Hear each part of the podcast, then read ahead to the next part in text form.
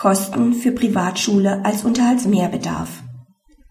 Unterhaltsmehrbedarf für ein Privatgymnasium kann nicht verlangt werden, wenn die Privatschule nur allgemein besser Fördermöglichkeiten als ein staatliches Gymnasium anbietet. Die Parteien sind gemeinsam sorgeberechtigte Eltern einer ehelichen minderjährigen Tochter, die bei der Mutter lebt.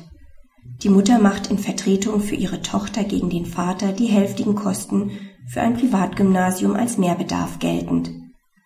Das Amtsgericht weist die Klage ab, die Berufung der Mutter ist erfolglos. Das Oberlandesgericht bestätigt das Urteil des Amtsgerichts. Allgemein bessere Fördermöglichkeiten an einer Privatschule stellen keinen gewichtigen Grund für den Mehrbedarf dar. Die Kosten sind daher keine angemessenen Bildungskosten. Es gibt auch keinen Nachweis und oder wissenschaftlich begründete Untersuchungen, die belegen, dass an einem Privatgymnasium im Allgemeinen Fördermöglichkeiten so erheblich besser sind, dass deshalb der Privatschule offensichtlich der Vorzug eingeräumt werden müsste.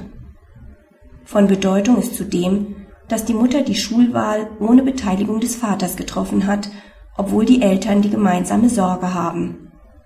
Die Entscheidung hätte im gegenseitigen Einvernehmen getroffen werden müssen, eine einseitige Entscheidung war nicht zulässig.